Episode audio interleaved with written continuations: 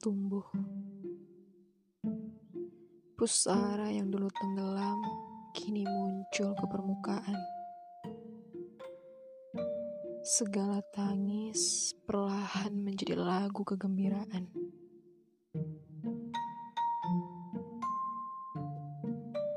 Hariku pun tak lagi membatu. Aku menjadi sang penunggu waktu. Memilin angin, lalu menjadikannya rindu.